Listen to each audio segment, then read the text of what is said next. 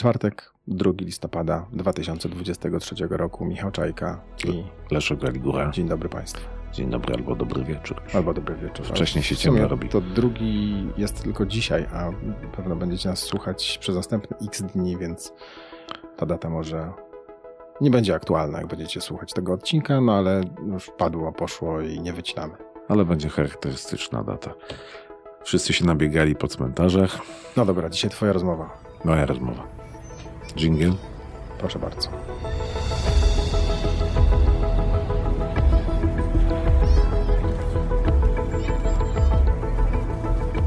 Nagranie i produkcja podcastu szumstudio.pl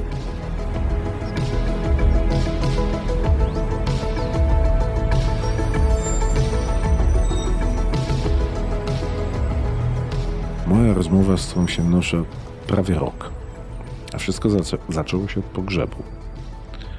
Od pogrzebu mojego kumpla. Naszego kumpla. naszego kumpla, e, no, na który wchodząc tak sobie pomyślałem, że rany, jeżeli trafi się jakiś ksiądz, który będzie jakieś frazesy o tym chłopaku gadał, e, to nie zdzierżę. No i ksiądz nie pasowałby. I ksiądz do niego nie pasowałby kolegi. i, i, i ale to była ciekawa osobowość i ciekawe życie i ciekawa musiałaby być opowieść. I się okazało, że również pogrzeb był ciekawy. E, I tak poznałem panią Patrycję Owczarzak i jej sztukę. A jej sztuka to, e, ona jest mistrzynią ceremonii pogrzebowych. Świecką, cywilną można powiedzieć. Ale wychodząc z cmentarza pomyślałem sobie, że chciałbym, żeby mój pogrzeb tak wyglądał. I nic więcej już nie opowiadam. Z nią rozmawiam dzisiaj. To posłuchajcie. Zdarzyło się pani powiedzieć ciszej nad tą trumną? Zdarzyło mi się wcale nie powiedzieć nad trumną. Mimo, że ktoś chciał, żeby powiedzieć? On nie chciał, żeby powiedzieć. O, to miało być milczenie nad trumną? Tak. Miała być tylko po prostu obecność moja, mocno zaakcentowana, podkreślone to, że jest ktoś, kto prowadzi, kto czuwa nad e, przebiegiem całej ceremonii, ale przy.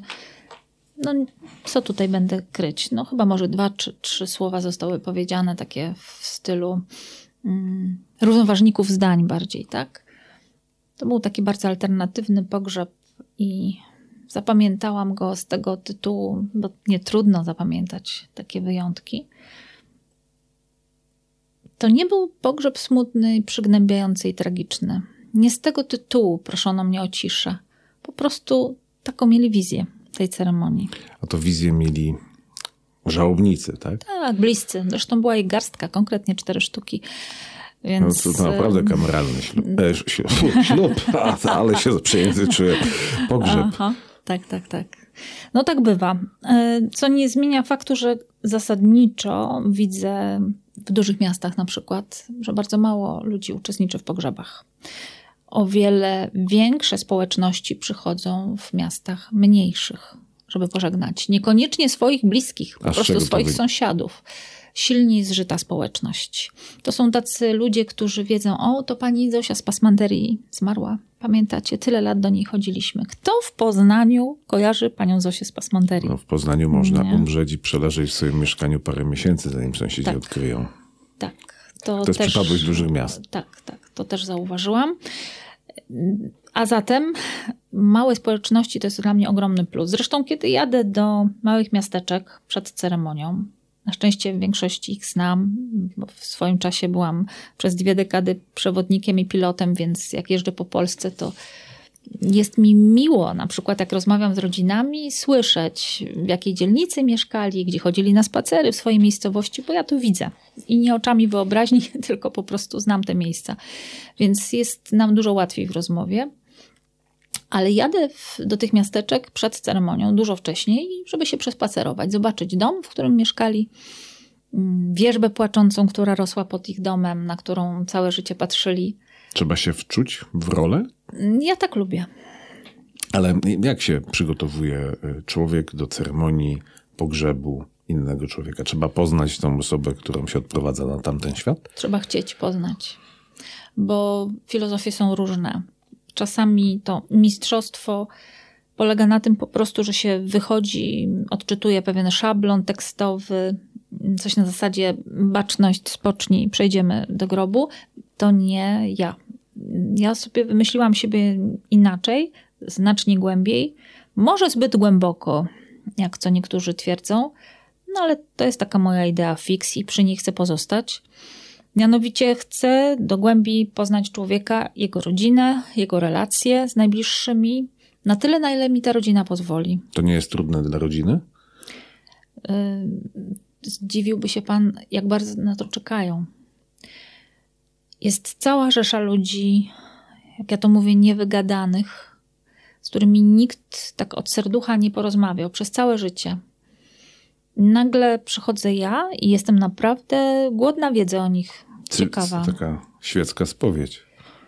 Mm, staram się, żeby tego tak nie traktowali. Po prostu niech mówią to, co chcą, co potrzebują, co czują. Oczywiście wszystko w relacji z osobą zmarłą. Od tego wychodzimy. To nie jest tak, że to jest jakaś niezdrowa ciekawość u mnie, ale od tego wszystko się zaczyna. Nie? A potem już mówią to, czego tak naprawdę potrzebują. Bardzo często, w 99% pogrzeby są taką ceremonią oczyszczającą wszystkie relacje w rodzinie.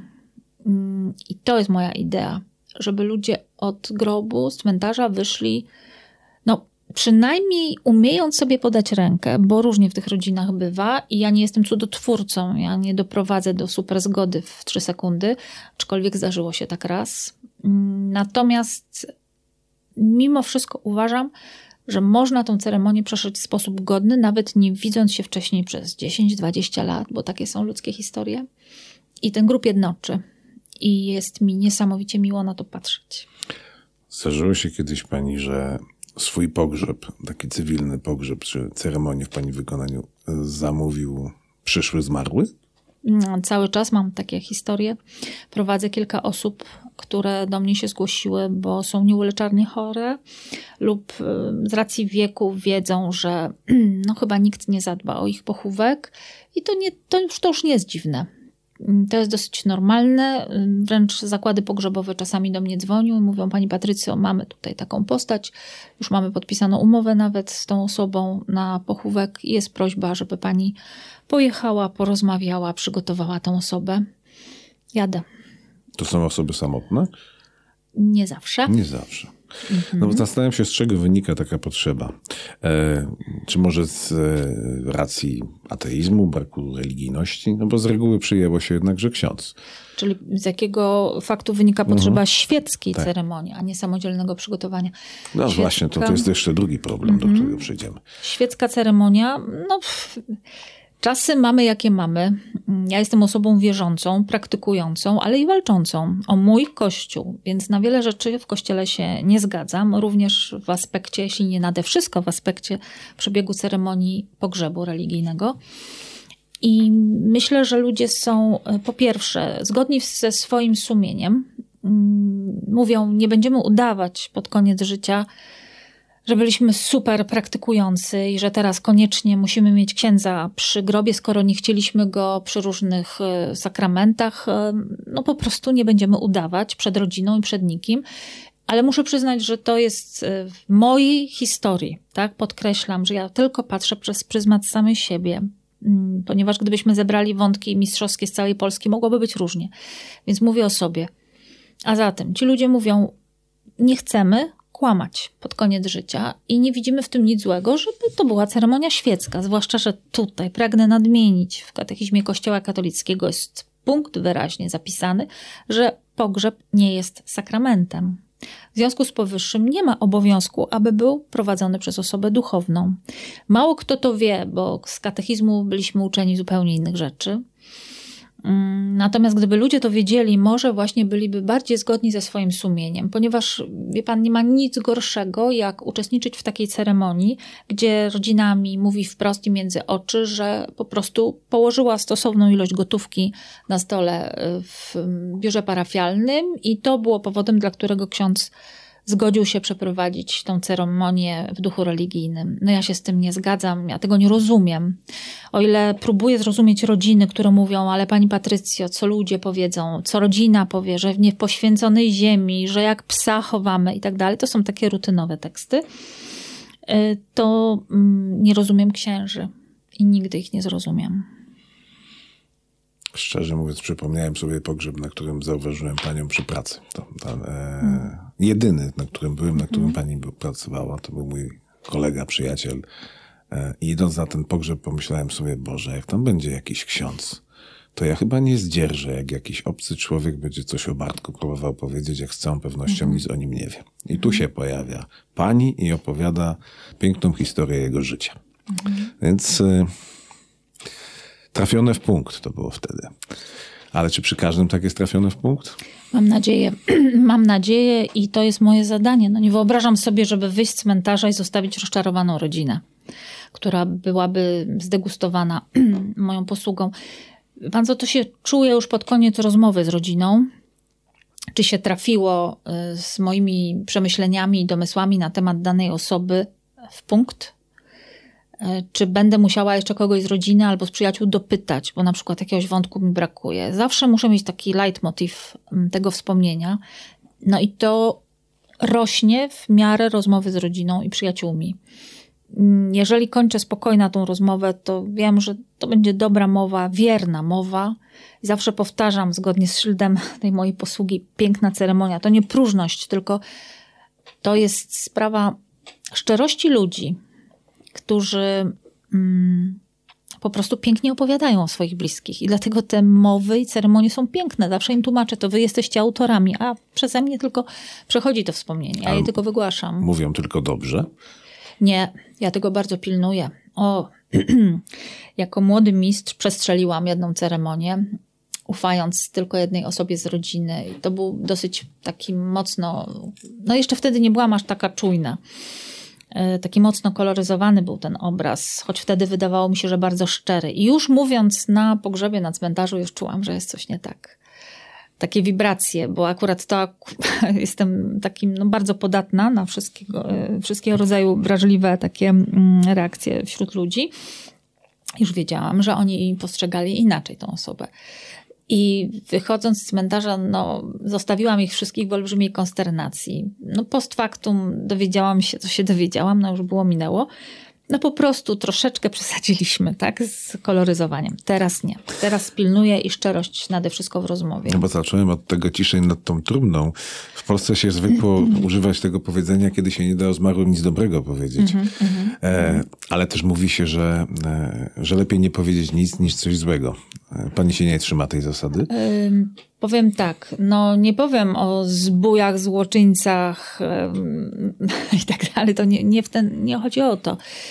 Mówię rzeczy jak najlepsze i zawsze powtarzam rodzinie, że nie wierzę, że nie da się powiedzieć czegoś dobrego, dlatego nasze rozmowy czasami są bardzo długie, bo ja tak ciągnę i cisnę, jak dryluję ich jak wiśnie, aż w końcu znajdujemy coś fajnego do powiedzenia. Natomiast na pewno nie mówię nic złego, ale tak... Mm, tak staram się to literacko i poetycko opisać słowami, żeby ci, co mają zrozumieć dane przesłanie tej mowy, zrozumieli. O błędach i wypaczeniach. Mniej więcej. Mniej więcej. Nie, chodzi o to, żeby wyciągnąć dla siebie wnioski. Ja jestem prosto myślącą kobietą i uważam, że należy się uczyć na błędach innych. Ja w mojej pracy uczę się na błędach wszystkich tych rodzin, które spotykam. I jestem za to losowi ogromnie wdzięczna. I jeżeli ja mogę coś przy grobie powiedzieć, tak jak mówiłam dzisiaj, wczoraj, przedwczoraj, każdej rodzinie, co innego, i widzę w ich oczach zrozumienie, no to chyba jestem na właściwej drodze. Jestem szczęśliwa. Aż mi przyszło do głowy, tak mówiła Pani o tych kolejnych pogrzebach. Ile można pogrzebów, tak się przygotowując, przeprowadzić? Dziennie, tygodniowo? Kiedy rozpoczynałam posługę, miałam dwie, trzy ceremonie w miesiącu. Mm, teraz z racji tego, że jestem już troszeczkę na tym funeralnym rynku, nie znoszę tego słowa, ale taka prawda, po prostu mam nadzieję, że zyskuję zaufanie zakładów, które chcą ze mną współpracować. I na tym to polega, że tych ceremonii mam więcej. I teraz ja się muszę bardzo pilnować, żeby trzymać poziom, żeby ciągle się rozwijać y, i w sferze ducha przede wszystkim i w sferze psychologii, bo to jest przecież sakramencko ważne w rozmowach z rodzinami. Staram się nie prowadzić więcej jak jedna ceremonia dziennie, ponieważ mm, no, te moje rozmowy z rodzinami są bardzo czasochłonne. Potem ja bardzo długo je analizuję. Jeżeli to są osoby, które wymagają ode mnie przygotowania, te biografie, jeśli ktoś kochał malarstwo, czy w literaturze był szczególnie związany z jakąś postacią autora, ja idę do biblioteki, ja analizuję, przeglądam albumy z malarstwem. I jeżeli ktoś czytywał Markeza, ja akurat nie mogę sobie przypomnieć nic z tej literatury, z jego tytułów, no to pędzę do biblioteki czym prędzej nadrabiam. A czasu mało, czasami tylko dwa dni. W pandemii nawet to było więcej, paradoksalnie, bo się dłużej czekało na pogrzeby. Teraz wszystko wróciło do normy, więc w ciągu dwóch dni ja już muszę być zwarta i gotowa. Także ja mam wypełniony szczelnie dzień od rana do nocy i nie tylko dlatego, że jestem na ceremoniach, nie, tylko właśnie dlatego, że się do nich przygotowuję. No właśnie pomyślałem o tym, że czasami na pogrzebach ma się wrażenie, no na paru w życiu byłem, ma się wrażenie mm. takiej taśmy wręcz produkcyjnej. Tutaj ksiądz już pokropił, ale już pędzi do następnego grobu, bo już wykopany. Oby mi się to już nigdy nie przytrafiło, żebym zaczęła robić taśmę, ale myślę, że wtedy rynek sam mnie wyrzuci najzwyczajniej w świecie.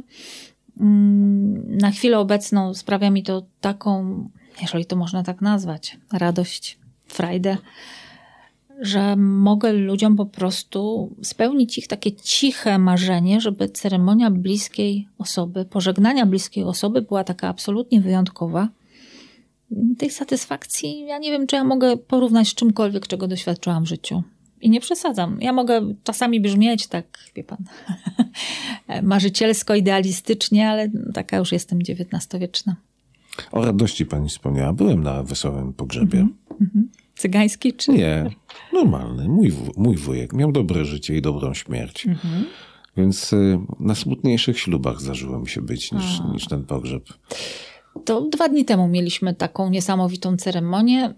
bardzo często rodziny mnie proszą o tą wesołą, tak? Ja mówię wesoła, nie, pogodna będzie na pewno.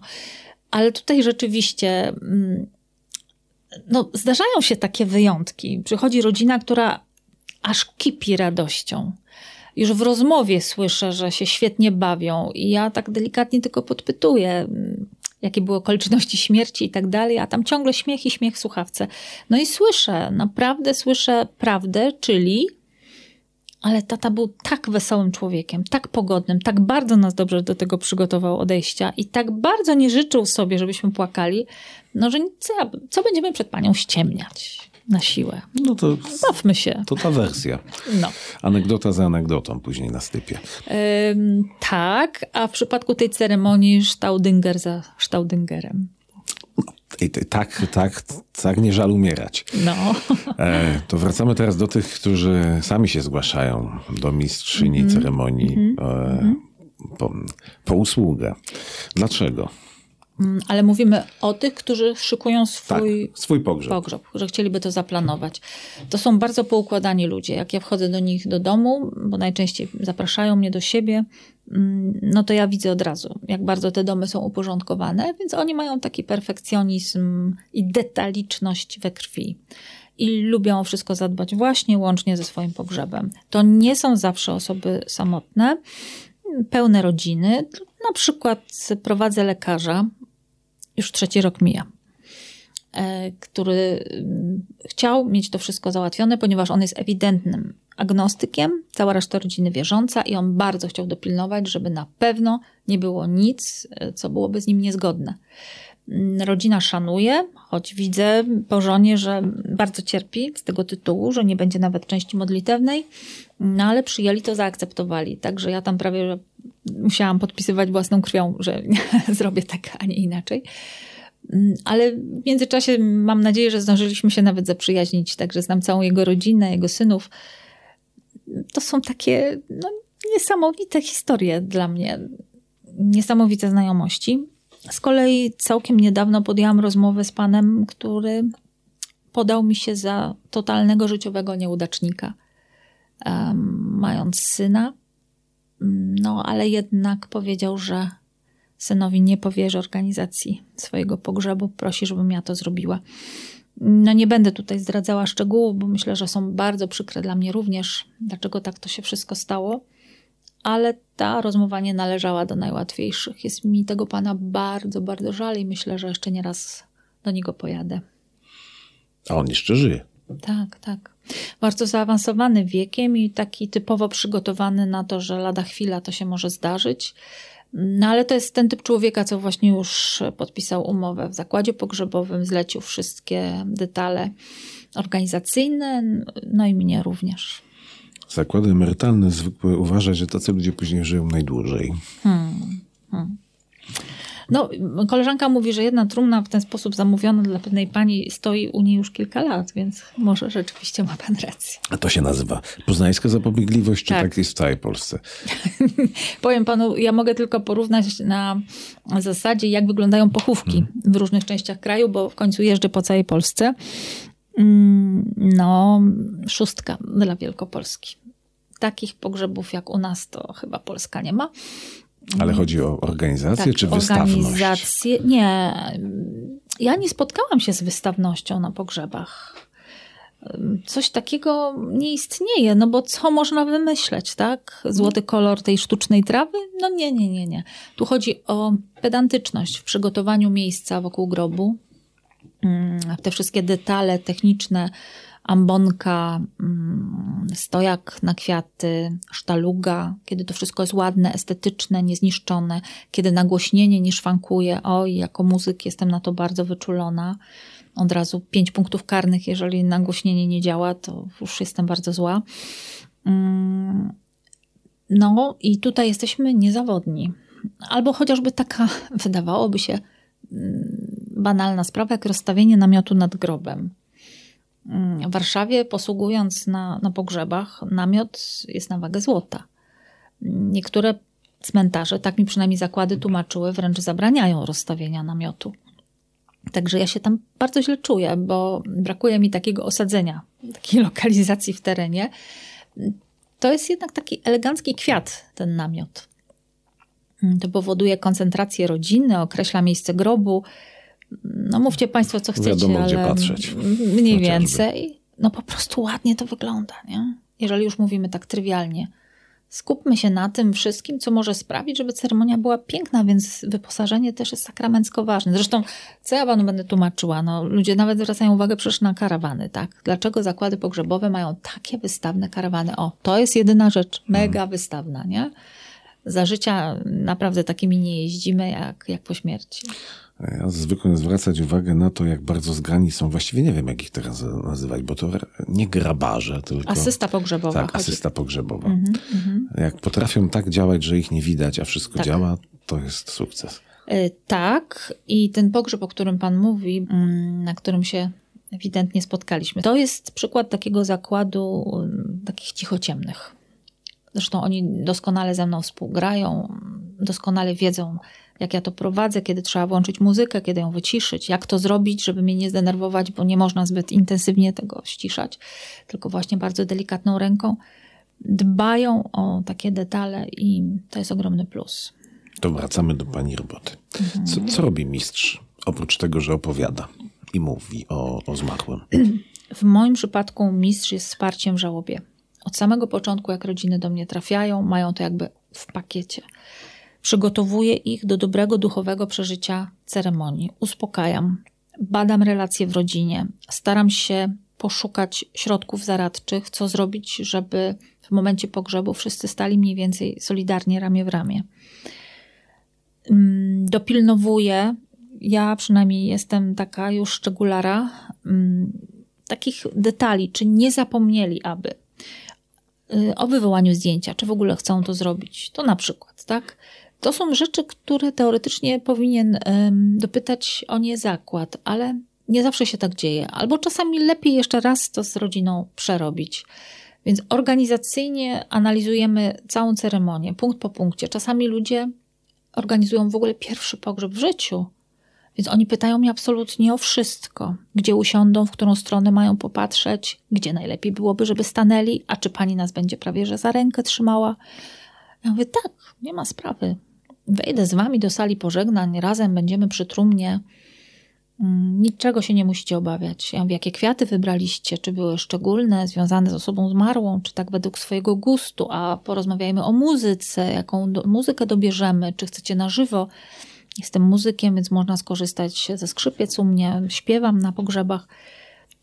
Wszystko detalicznie, no a potem merytoryka osobista, czyli wszystko to, co powinnam wiedzieć o osobie zmarłej. To, co pan pytał, prawdę, samą prawdę.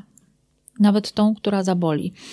Mm, na początek, owszem, niektórzy z niedowierzaniem tak słuchają, że ja aż o takie szczegóły pytam, ale to szybko puszcza. Po paru sekundach już każdy jest gotowy opowiadać całe swoje życie, bo ja jestem jak ten taki podróżny spotkany w pociągu. Ja tak i tak pojadę na drugi koniec Polski. Ale tak mi się dużo opowiada. Czy w momencie, kiedy trumna czy urna trafi do ziemi, to jest koniec już? Koniec po, po pracy? Yy, nie. Tak, żeby dosadnie powiedzieć, na samym pogrzebie nie, ponieważ ja sobie zostawiam jeszcze miód ceremonii, czyli podziękowania które są niezwykle ważne. Nie znoszę ogólników. Nie uważam, że należy generalnie dziękować wszystkim obecnym za przybycie, bo to jest słabe. Trzeba dociec wszystkich mentorów, sprawców zdarzeń w naszym życiu mm, i opowiedzieć o nich. To też jest lekcja dla zebranych, żeby zobaczyć, że ten człowiek nie do wszystkiego doszedł sam, że nie wszystko zawdzięcza sobie, że spotkał na swojej drodze ludzi, którzy zbudowali mu tą historię poniekąd.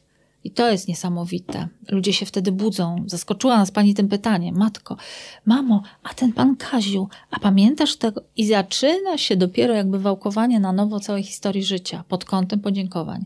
A w sensie tym innym, o którym pan pyta, jak myślę, nie, to się nie kończy, ponieważ ja też świadczę wsparcie w żałobie. Osoby, które nie dają sobie rady z tym nagłym zastaniem siebie w samotności, mogą liczyć na moje wsparcie. To jest oczywiście już potem usługa odpłatna. Mm, podkreślam, nie jestem psychologiem, ale z racji mojego doświadczenia i bycia z ludźmi właśnie w żałobie, ludzie do mnie trafiają i wolą ze mną przegadać godzinę, dwie, trzy i są gotowi wyjść później do nowego życia.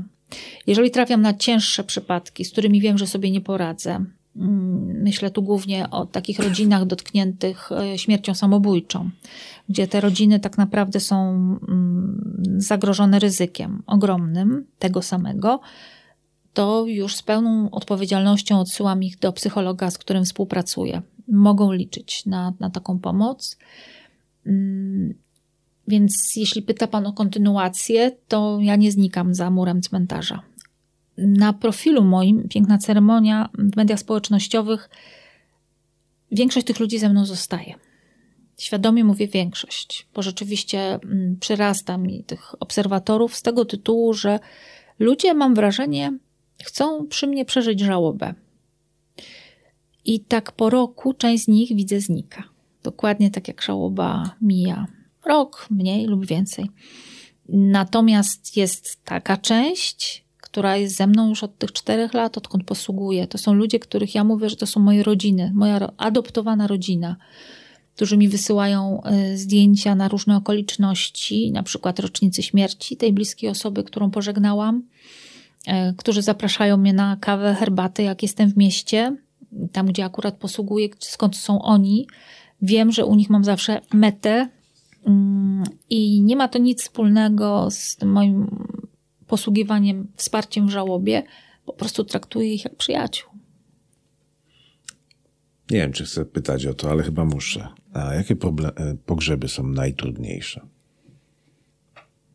Takie, na których nie uda mi się wykrzesać nadziei. I nie ma to znaczenia. Wiem, o co pan pyta w podtekście, czy chodzi o dzieci utracone, czy chodzi o śmierci samobójcze, zwłaszcza w młodym wieku i tak dalej. Nie ma tu reguły. To zależy od człowieka, jak on sobie z tym poradzi. A proszę mi wierzyć, zaskoczony byłby pan wielce, jak godnie i pięknie potrafią niektórzy przeżyć właśnie te tak zwane w domyśle trudne pogrzeby rodziny. Mm, dlatego ja nie boję się podejmowania trudu, w cudzysłowie, dowolnego przypadku, ponieważ ja tak naprawdę jestem ciekawa po pierwszej rozmowie właśnie, jak ci ludzie sobie z tym radzą. I dopiero potem stwierdzam, że na przykład chowając 90-letnią mamę, ja nie jestem w stanie syna z podłogi podnieść, tak? Bo on tak bardzo ciężko to przeżywa. Zdziwiony jest pan? No właśnie. A ludzie, mm, tu naprawdę nie ma reguły. Bo wydawałoby się, że w pewnym wieku już rodzina powinna być przygotowana Tak. na śmierć. A zmarły, tak, ta osoba w podeszłym wieku, tak zwana syta dni, tak? I powinniśmy się w teorii cieszyć, że tak długo żył, tak długo z nami był i tak dalej. Nie, mogę patrzeć też przez swój pryzmat. Ja też miałam mamę, która bardzo długo żyła, a mm, ciężko mi było się z nią rozstać, a myślę sobie teraz post factum, y, jak ona ze mną jest cały czas duchowo bardzo silnie, no to ja nie mogę sobie wymyśleć lepszego wsparcia, jak właśnie w niej. No Okej. Lecimy dalej. Lecimy dalej. Nie zostajemy przy tym.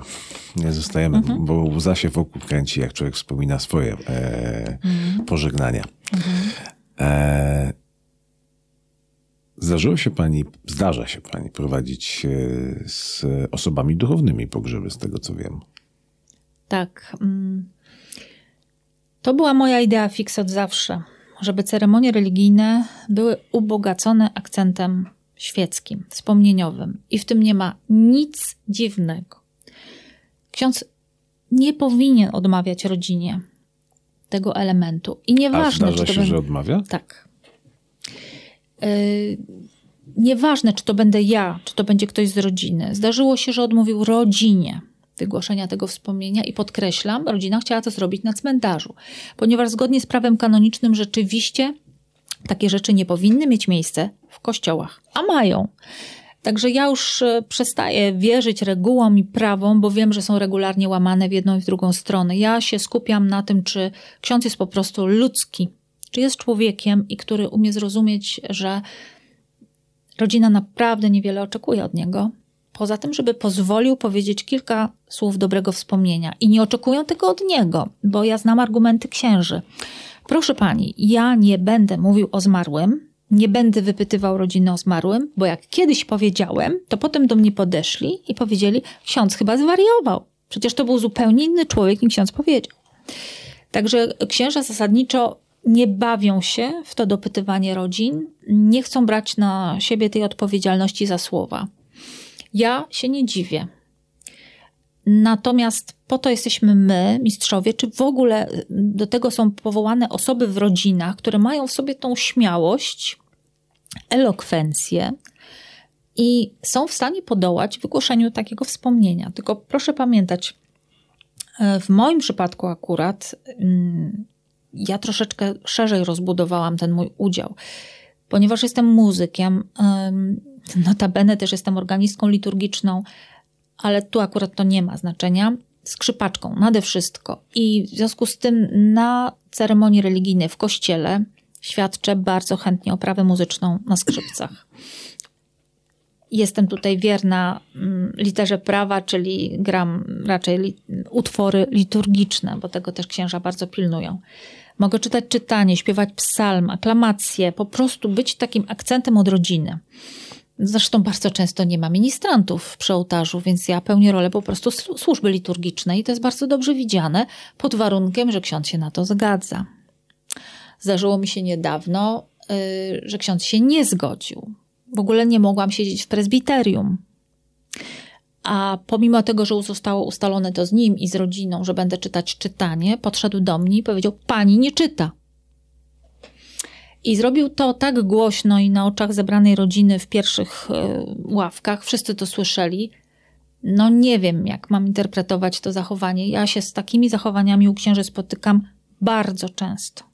To jest takie tupnięcie nogą, ale E, tak. psujące atmosferę. Tak, no to jest takie pokazanie, to jest mój kościół, Ale to jest mój cmentarz. O pieniądze czy o władzę? Nie wiem, bo nie mam okazji z nimi porozmawiać, bo oni przeważnie uciekają bardzo szybko ode mnie. W ogóle nie chcą ze mną rozmawiać. Od tego trzeba zacząć, że wszystko ustalają przez zakład pogrzebowy. Kiedy ja próbowałam dzwonić do jednego księdza, ustalić szczegóły, powiedział, ale pani nie jest stroną, ja nie będę z panią rozmawiał. Nie pomagają argumenty, że jestem osobą wierzącą, praktykującą. Nie, po prostu nie i koniec. Myślę, że nawet gdybym miała glejt od swojego proboszcza, e, zaświadczający tym słowom, też by to nie pomogło. Jest mi wstyd za mój kościół, że to tak działa. Napisałam o tym zresztą jeden bardzo rozbudowany, silny post u mnie na profilu. On tam będzie wisiał i ja jeszcze będę o tym nieraz mówiła. No tak nie powinno być. No i na cmentarzu jestem właśnie w tej części, kiedy ksiądz odchodzi od grobu, także pragnę podkreślić, nie ma ceremonii łączonych. Albo jest religijna, albo jest świecka. Natomiast od zawsze jest część, kiedy ksiądz odchodzi od grobu i można ją zapełnić słowem wspomnienia, do czego gorąco zapraszam. I ksiądz tu nie ma nic do powiedzenia. No nie, no on odchodzi od grobu. Co prawda ostatnio spotkałam się z takim stwierdzeniem na cmentarzu parafialnym. To było takie prywatne spotkanie księży. Ta informacja akurat do mnie wyciekła, że księża powiedzieli, że no nie, nie, ceremoniarzy świeckich to na cmentarze parafialne absolutnie nie wolno wpuszczać. No, ale to są często jedyne e, cmentarze w danej miejscowości. Tak, zgadza się. I no, księża wiedzą, że jeżeli nie wpuszczą, no to będzie awantura, więc e, robią to dla tak zwanego świętego spokoju, ale na przykład część z nich nie pozwala użytkować kaplicy. No bo cmentarz, można powiedzieć, nie istnieje coś takiego jak cmentarz katolicki. W takim miejscu jest cmentarz parafialny, ale może na nim mhm. być pochowany każdy mieszkaniec gminy. Mhm. Poza tym w kaplicach nie ma Najświętszego Sakramentu. I gdyby był, no to mogłabym do tego jakoś inaczej się ustosunkować, aczkolwiek y, na przykład ostatnio posługiwałam w Łodzi mm, na jednym z cmentarzy i był Najświętszy Sakrament w kaplicy, a mimo to sprawowaliśmy ceremonię świecką w pełnym poszanowaniu tego miejsca administracja, która mnie nie znała, cmentarza, dopytała, czy wiem, jak się zachować w kaplicy. Trochę mnie to rozbawiło, a z drugiej strony przeraziło, bo to znaczy, że jak tam się mistrzowie musieli zachowywać, że takie pytanie mi teraz zadają, no ale uspokoiłam ich tak, że już wszystko poszło płynnie.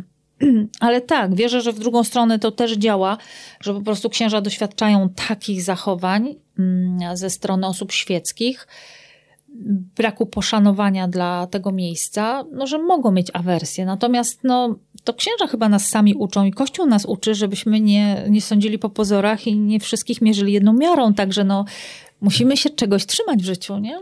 No, wydawałoby się, przynajmniej. E, miałem nie pytać o statystyki, to nie będę, ale zapytam, jak się zostaje mistrzem e, ceremonii? Hmm kiedy trafiają do mnie y, osoby, które chciałyby u mnie praktykować lub pytają, czy mm, prowadzę kurs i mogłabym ich tego nauczyć, zawsze mówię tak samo.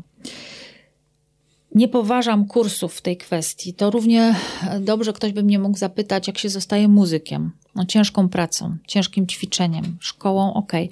W przypadku mistrza ceremonii, y, czego ja mogę nauczyć? Przebiegu ceremonii? No to ja mogę streścić to w 5 minut.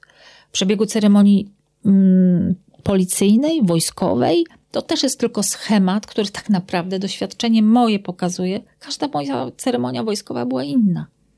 Zawsze się różniła w detalach i trzeba było to dopiąć w szczegółach e, z daną osobą reprezentującą jednostkę, no żeby to wszystko zagrało, tak? Także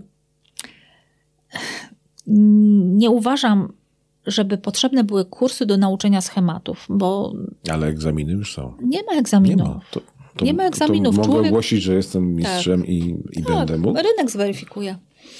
Po dwóch ceremoniach, po pierwsze już bym wiedziała, czy się pan do tego nadaje, czy nie. A w zakładach pogrzebowych pracują ludzie bardzo empatyczni. E, poza tym to rodzinom pan służy. Jeżeli mistrz nie przynosi pozytywnych komentarzy i recenzji, do zakładu, no to słabo. Pamięta Pani swoją pierwszą ceremonię? Moja pierwsza ceremonia w ogóle była tak zwana niezawodowa. Zawsze to mówię, że ojcem chrzestnym mojej posługi był mój sąsiad, któremu się zmarło niestety. Mm, I poczułam wtedy ogromną potrzebę, żeby coś powiedzieć.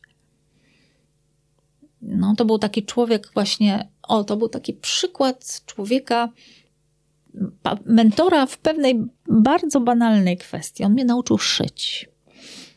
Pamiętam, jak chciałam wyrzucić maszynę do szycia przez okno, podarowaną mi przez mamę. Stwierdziłam, że furii dostanę, nie nauczę się, mam dosyć.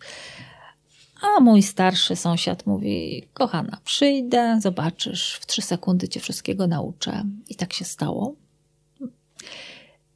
I wiele jeszcze innych takich rzeczy dla nas w życiu zrobił, dla mojej rodziny, co sprawiło, że mówię, jak tu teraz go pożegnać i nie powiedzieć tego wszystkiego. No i mówiłam. Takie to było strasznie trudne. Łapałam łzy.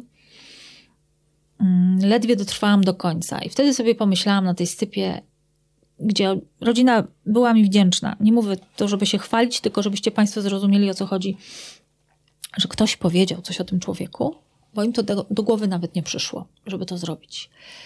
Ale ja sobie uświadomiłam, jakie to byłoby trudne dla rodziny, gdyby ona miała coś powiedzieć. Ja płakałam, a co dopiero oni. I tak mi to zostało w głowie. A potem, a historia jest długa i nawet już nie chcę jej przypominać, yy, po prostu szereg skojarzeń, przypadków losowych sprawił, że, że się tego podjęłam. No, ale ja za, napracowałam się, tak powiem, wymyśliłam sama siebie. O, w ten sposób to powiem, bo nikt mi tego nie podsunął, nikt nie powiedział, jak mam to robić. Uczestniczyłam już wcześniej jako muzyk w tylu pogrzebach, że przecież wiedziałam, jak to przebiega. Jestem, mówię, organistką liturgiczną, więc też to wiem. Ale całą resztę wymyśliłam już y, sama dla siebie i tak badałam, czy to się sprawdzi, czy się nie sprawdzi. O czym ja mówię? No o tym właśnie bardzo głębokim podejściu w relacjach z rodziną. Wiem, że są tacy mistrzowie, którzy pracują podobnie, bo niektóre zakłady rozmawiając ze mną potwierdzają, że są właśnie bardzo z nich zadowoleni, bo, bo rodziny dają im tą informację zwrotną, że tak, że o to im chodziło, żeby tak głęboko z kimś porozmawiać, szczerze, przygotować się do pogrzebu, a nie tylko odklepać. Myślę, że większość z Państwa myśli, że posługa mistrzowska to jest faktografia i datologia. Otóż nie. Tych dwóch rzeczy w ogóle nie stosuję.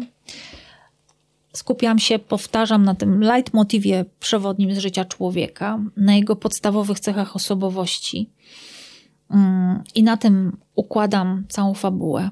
To jest podstawa. I czasami mowa trwa trzy minuty, a czasami pół godziny. Nie, no pół godziny przesadziłam, nigdy tyle nie mówię, bo zawsze mówię, że trzeba szanować człowieka, który stoi nad grobem i zaczynają go boleć nogi.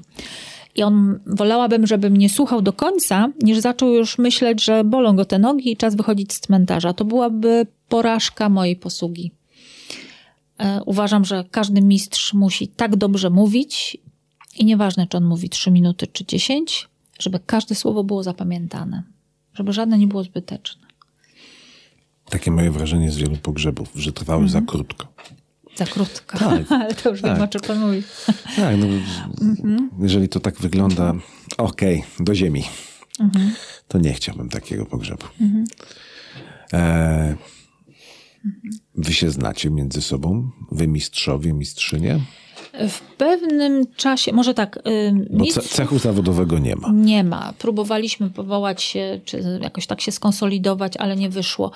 Wszyscy jesteśmy bardzo mm, silnymi takimi osobowościami. Poznaliśmy się, tylko że podkreślam, nas jest setki w Polsce. Większość z nas się nie zna i nigdy się nie pozna, bo to są najczęściej też osoby na etacie w danym zakładzie, które robią też inne rzeczy ale takich freelancerów, jak ja to nazywam, no to może gdzieś będzie około 30 teraz, nie wiem, bo to tak faluje. Jedni odchodzą, drudzy przychodzą. Proszę pamiętać, część ludzi bardzo łatwo daje się na to złapać, że to będzie taki łatwy zarobek, łatwy kawałek chleba, że teraz mamy takie czasy zlaicyzowane.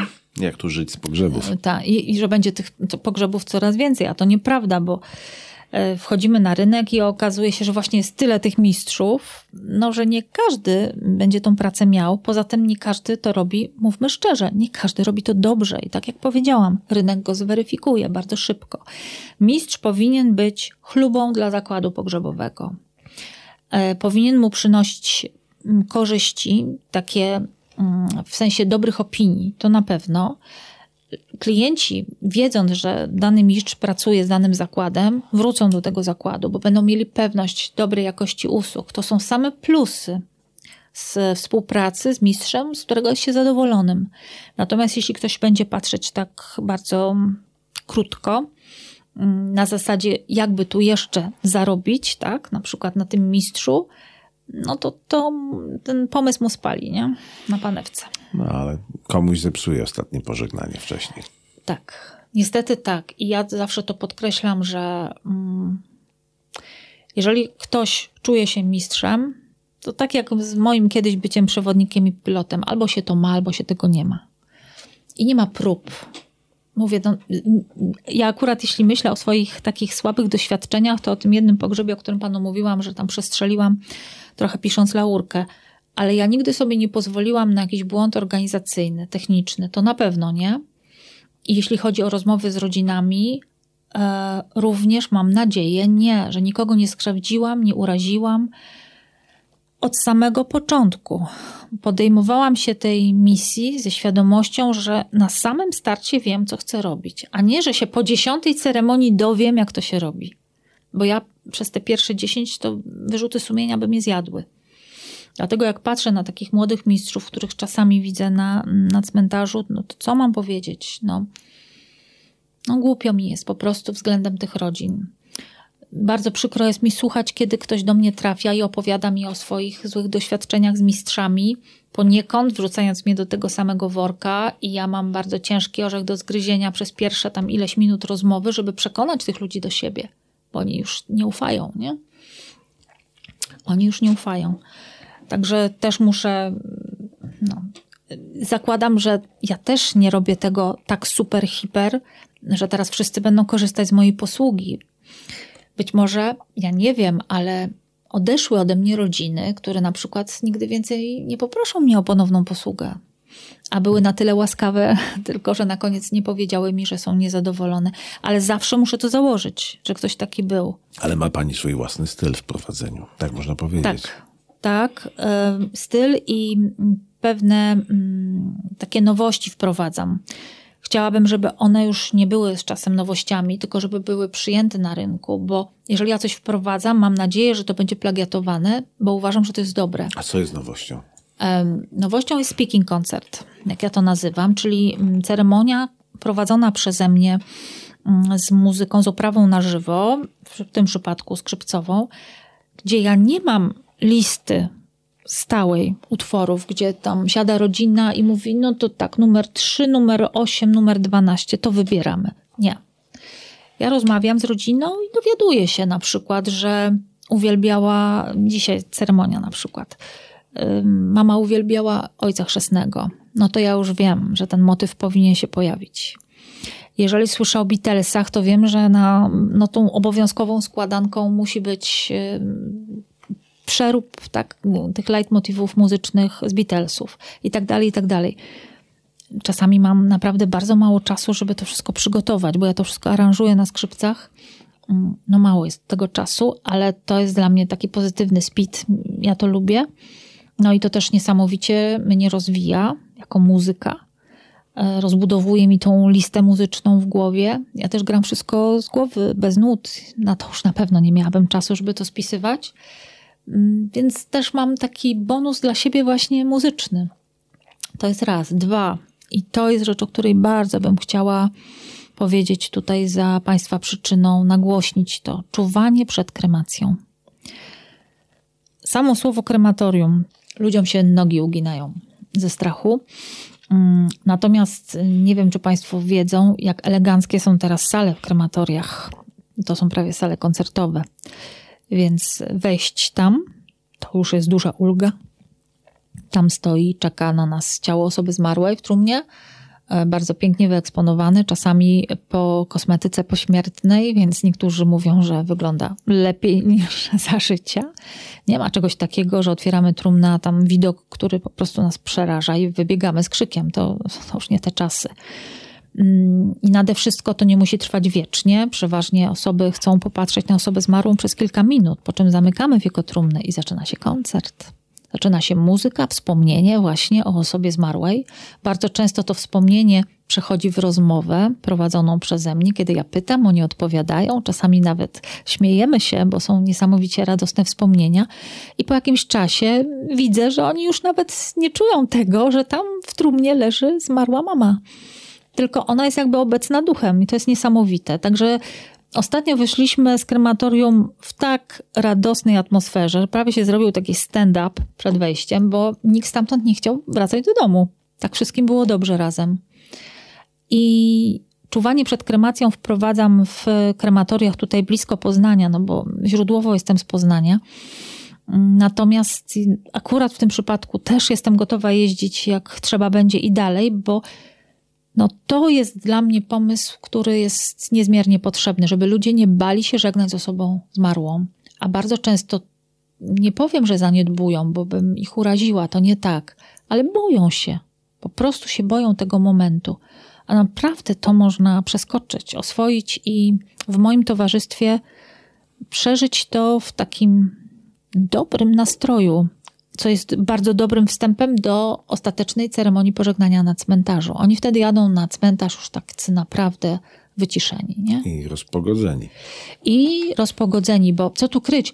Mm, moment kremacji, jak już wiadomo, że ciało jest spopielone, mówmy teraz już czysto tak technicznie, no to ciśnienie z nas spada. Nie? Już wtedy wiemy naprawdę, że tego odwrotu nie ma.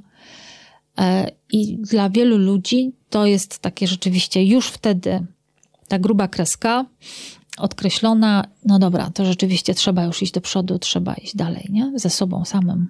A się pani teraz aż uśmiechnęła przy tej opowieści. Mm. A co jest najtrudniejsze w pogrzebach? Dla pani. No, ponieważ jestem rzeczywiście takim, wie pan, czuję pogodę, nie? Czyli pogodę w tłumie też. Jeżeli czuję niechęć do siebie z racji faktu, że przyjeżdżam i ceremonia jest świecka, wbrew na przykład części rodziny, która bardzo chciała religijny y, pogrzeb, no to ja wtedy mm, no bardzo cierpię. I albo udaje mi się tą y, atmosferę rozładować, już po kilku minutach widzę, że ludzie się uśmiechają, jest dobrze, a jeszcze jak się okazuje, że ja poprowadzę część modlitewną, no to już w ogóle ludziom puszczają hamulce i już wtedy żegnają się ze mną na zakończenie jak ze swoim. No, ale czasami to zacietrzewienie jest bardzo silne i trwa do końca. I no, ja nauczyłam się być jak stal i nikt po mnie tego nie pozna na ceremonii, że ja się z tym źle czuję, ale w środku jestem jak galaretka wtedy. A później nie? się kończy ceremonia i zostaje w tak, coś, tak? Tak, i potem się. ja to spuszczam z siebie, naprawdę zakład wtedy widzi, już wtedy mnie zostawiam, wysłuchajcie, muszę iść na bok, trochę ochłonąć, oni już wiedzą o co chodzi. Mm, zresztą oni też bardzo przeżywają. Nie tak jak ja, no bo nie są w takich więzach z osobą, z, z rodziną, ale no ale ze mną to przeżywają, nie? Bo to są fajni koledzy po prostu, którzy wiedzą, że ja wtedy cierpię. Mm, także to jest niezwykle trudne i nie rozumiem, dlaczego jest takie podejście, jest taki brak poszanowania dla decyzji rodziny. No ale to już chyba mamy w tych naszych polskich genach. E, I co jest jeszcze trudne, też niezmiernie, tak jak powiedziałam, jeżeli mm, dana rodzina za nic w świecie nie chcę uwierzyć, że przed nimi jest kawał dobrego życia. Tak bardzo jest zaczopowana w tym przygnębieniu, rozgorczeniu, żalu i tak dalej. I co ciekawe, podkreślam, to wcale nie dotyczy rodzin, które właśnie żegnają dziecko utracone czy młodą osobę, tylko żegnają się z tą sędziwą mamą, sędziwym tatą. No ale ja wtedy wiem co innego. Ci ludzie mają sobie wiele do zarzucenia i oni z tym się nie mogą pogodzić. Także oni mają w sobie nieprzepracowane takie bóle, mm, czego ja nie jestem w stanie z nimi zrobić przed pogrzebem w przeciągu tych dwóch czy trzech dni. No i oni albo już są pod opieką psychologa od jakiegoś czasu, albo Jakiś czas po pogrzebie do mnie dzwonią, bo pamiętają moją propozycję i mówią: No, pani Patrycjo, chętnie byśmy się z tym psychologiem jednak spotkali, bo nie dajemy sobie rady w żałobie. Ale pytam też o to, jak pani sobie daje radę. Ja się nad tym nie zastanawiam. Mm, po prostu to robię. To tak na mnie przyszło z nienacka w życiu. Y, to było zrządzenie opatrzności. Skonsultowałam to z trzema księżmi, z czego było dwa do jednego. Jeden powiedział, że już mi więcej ręki nie poda. Pozostałych, drugi był, powiedział ciekawe, a trzeci yy, daj mi tydzień i po tygodniu zadzwonił, powiedział tak, masz to robić, będę cię wspierał. I teraz to jest człowiek, który do mnie dzień w dzień, mogłabym panu nawet telefon zaraz pokazać, dzień w dzień wysyła mi myśli wspierające dotyczące ogólnie mojej posługi, wszystkiego. Bylebym tylko czuła codziennie, że on się za mnie modli. Także to było dla mnie niesamowite i już więcej księży nie pytałam. Y, sama ze sobą ustaliłam, że to jest dobre. Upewniłam się, że właśnie ani prawo kanoniczne nie ma przeciwko temu nic, ani w katechizmie nie ma jakichś tam przeciwwskazań. Więc uważam, że wszystko robię korekt. Mm, no i tyle. I czy dla mnie jest ciężko? Zawsze podkreślam, że y, pewnie z czasem, kiedy właśnie tych historii ludzkich jest coraz więcej, mm, rzeczywiście czuję się po prostu tak fizycznie zmęczona. Natomiast y, coraz bardziej też potrzebuję, o, to bym zaznaczyła chyba najmocniej, bardzo silnego wsparcia, które mam od rodziny, od męża, od moich dzieci, rodzeństwo, przyjaciele. Wszystko jest ok, ale wsparcie mojej branży to to nie jest tak, mm, żeby tam każdy idzie swoją drogą. Ja trafiłam w tej branży na niesamowitych ludzi. I to chciałabym podkreślić. Kiedyś mówiło się o tej branży, że to branża kopidołków i tak dalej, nie? Wszystkich tam powrzucali do jednego worka. Nadal ta branża jest źle postrzegana. E, zresztą nie bez powodu. Ja o tych rzeczach złych wszystkich wiem, bo je widzę ale ja y, z założenia chcę widzieć rzeczy dobre nade wszystko i obracać się właśnie w tej orbicie rzeczy dobrych. Zresztą na moim profilu też piszę tylko o rzeczach dobrych. Chyba, że coś mnie strasznie zdenerwuje, no to wtedy się taki post pojawi raz na jakiś czas, tak jak o księżach pisałam i o, o ich niechęci do mojej posługi. Natomiast branża to proszę mi wierzyć, jak chcecie mieć dobrych, empatycznych przyjaciół, to szukajcie ich wśród właścicieli zakładów pogrzebowych. Autentycznie. Ja mam kilkoro tak niesamowicie oddanych przyjaciół i myślę, że z czasem będę ich miała coraz więcej. Ja się nie spodziewałam takiego daru z nieba pod postacią tych ludzi. Oni po prostu są chodzącymi empatami. Oni nie robiliby tego dobrze, gdyby tacy nie byli. Owszem, mają gen biznesowy w sobie, to na pewno, bo też, no ja też się z tego utrzymuję, więc y, tutaj nie będziemy czarować ale wiecie Państwo, można być nauczycielem i nauczycielem, lekarzem i lekarzem. I tak samo jest u nas. Ja mogę być mistrzem, mistrzem, a oni są fenomenalnymi właścicielami zakładów pogrzebowych, które są cenione na swoich rynkach lokalnych. Jak idę z nimi przez miasto, to, zwłaszcza w tych mniejszych miejscowościach, to im się ludzie w pas kłaniają, zaczepiają, każdy chce pogadać. E, kiedy siedzę z paniami z obsługi w danych biurach i rozmawiamy sobie przed ceremonią czy po, nagle pukanie w okno wystawowe zakładu pogrzebowego, ktoś jej macha. Ja mówię, kto to? A, to pani Halinka z pogrzebu z zeszłego tygodnia. Wpadają do nich na kawę, poplotkować, powiedzieć, co się zmieniło. Tego się nie da opisać i ci ludzie nigdy ich nie odtrącają. Oni mają tak niesamowitą cierpliwość w sobie, więc tak jak sobie siadamy, tak jak ja teraz z panem, ja doskonale wiem, co tej drugiej osobie w duszy gra, bo ja już filtruję wszystkich momentalnie, więc oni mi się spowiadają ze wszystkiego, ale w drugą stronę, jak potrzeba, tak samo. Więc jak mam duży problem, coś mnie zdenerwuje, podkurzy, albo nie wiem, co z czym zrobić, to oni mają w sobie taki fajny, zimny chów dla mnie. Oni tam specjalnie dla mnie delikatni nie są. Rozbierają w trzy sekundy problem. I od razu widzę, że martwiłam się niepotrzebnie, nie? No proszę, jak to się życie ze śmiercią miesza pięknie. Tak. E, to na koniec, zupełnie, nie powiem, że z innej beczki, ale trochę robimy tą rozmowę w okresie mm. zadumy, wszystkich świętych, E, jakoś ludzie częściej teraz myślą, wspominają o cmentarzach i odwiedzają te cmentarze częściej. Mhm. Czy ma Pani taką zawodową poradę? Jak przeżyć tą wizytę, jak ją wykorzystać, do czego ją wykorzystać, tę wizytę na grobie bliskich? Hmm. Ten mój mądry ksiądz, który mnie wspiera duchowo, zawsze przestrzega mnie przed jednym, żebym to mówiła rodzinom, żeby nie uprawiały religii grobu. Wiem, że części z tych osób, które trafiły pod moją opiekę, bardzo pomaga to jeżdżenie na grób. Ja zresztą sama, kiedy straciłam ojca w wieku 16 lat, pamiętam, że byłam u niego prawie codziennie, przez długi, długi czas. Po prostu siadałam na tym grobie i chciałam go czuć, ale po, po, poradzę jedną rzecz. I to niezależnie od tego, kiedy straciliście Państwo bliskie swoje osoby. Jeżeli jesteście osobami wierzącymi, zainteresujcie się tematyką dusz czyśćcowych. Tematem tego, że można mieć kontakt z duszami osób, które od nas odeszły. Bardzo mało się o tym mówi. Na pogrzebach prawie wcale. Może jedno takie mądre kazanie usłyszałam. I to od razu wszystkich tak podniosło na duchu, bo usłyszeli: Wow, hello, mamy z nią kontakt, tak? Możemy do niej mówić, ona nas słyszy. To było niesamowite dla tych ludzi i ksiądz to mówił z tak ogromnym przekonaniem, że wlał od razu mnóstwo nadziei tym ludziom.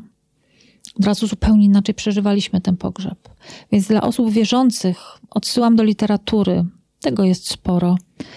I ja też e, tą literaturą się buduję, bo ja też tracę przecież bliskich mm, i tych zaawansowanych wiekiem, i tych bardzo młodych. I też tak po ludzku czasami nie rozumiem, dlaczego oni, dlaczego tak wcześnie. Mm, I druga sprawa, dla osób niewierzących tu jest zawsze moim zdaniem trudniej. Oni mówią, nie, nie, pani Patrycja, nam jest łatwiej. My się do niczego nie, nie przywiązujemy, nie przyczepiamy i tak dalej, ale ja wiem, że te ceremonie są trudniejsze. I tak sobie myślę, oni z kolei muszą znaleźć w sobie momentalnie taki, mm, taką incepcję zaszczepioną przez tą osobę, która odeszła. Oni muszą coś kontynuować z tych ludzi. Zawsze powtarzam, że to dobrze, że ludzie odchodzą z niespełnionymi marzeniami, bo dla nas to jest pretekst do tego, żeby te marzenia pociągnąć. Przykład. Moja mama zawsze chciała mieć piękny ogród i miała.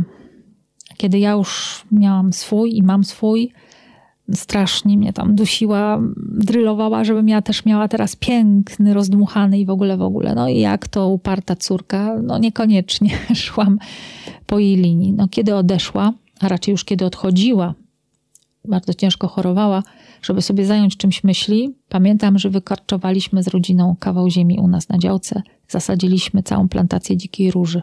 Pamiętam, jak mnie ta róża kuła i nie pozwalała mi o mojej mamie zapominać przez te wszystkie dni, kiedy ona odchodziła. I teraz, kiedy patrzę na tą grządkę i na ten ogród, i kiedy dokupuję rośliny i tak dalej, i tak dalej, moja mama cały czas jest blisko mnie i cały czas mi mówi do ucha, co jej się podoba, co jej się nie podoba, i tak sobie dyskutujemy. Więc ja myślę, że najważniejsze jest coś zaimplementować z życia tamtej osoby. To pozwala nam o niej nie zapomnieć, ale i jednym, i drugim mówię jedno. Przestańcie się skupiać na własnej tragedii, Zacznijcie szukać ludzi, którzy potrzebują Waszej pomocy. Zawsze jest ktoś, kto jej potrzebuje, a my możemy o swojej tragedii w ten sposób zapomnieć, wyciszyć ją, przeżyć ją łagodniej, skupiając się na potrzebach innych. I tu postawię kropkę. Moim Państwa gościem była pani Patrycja Owczarzak, mistrz, mistrzyni ceremonii pogrzebowych. Dziękuję bardzo. Dziękuję bardzo.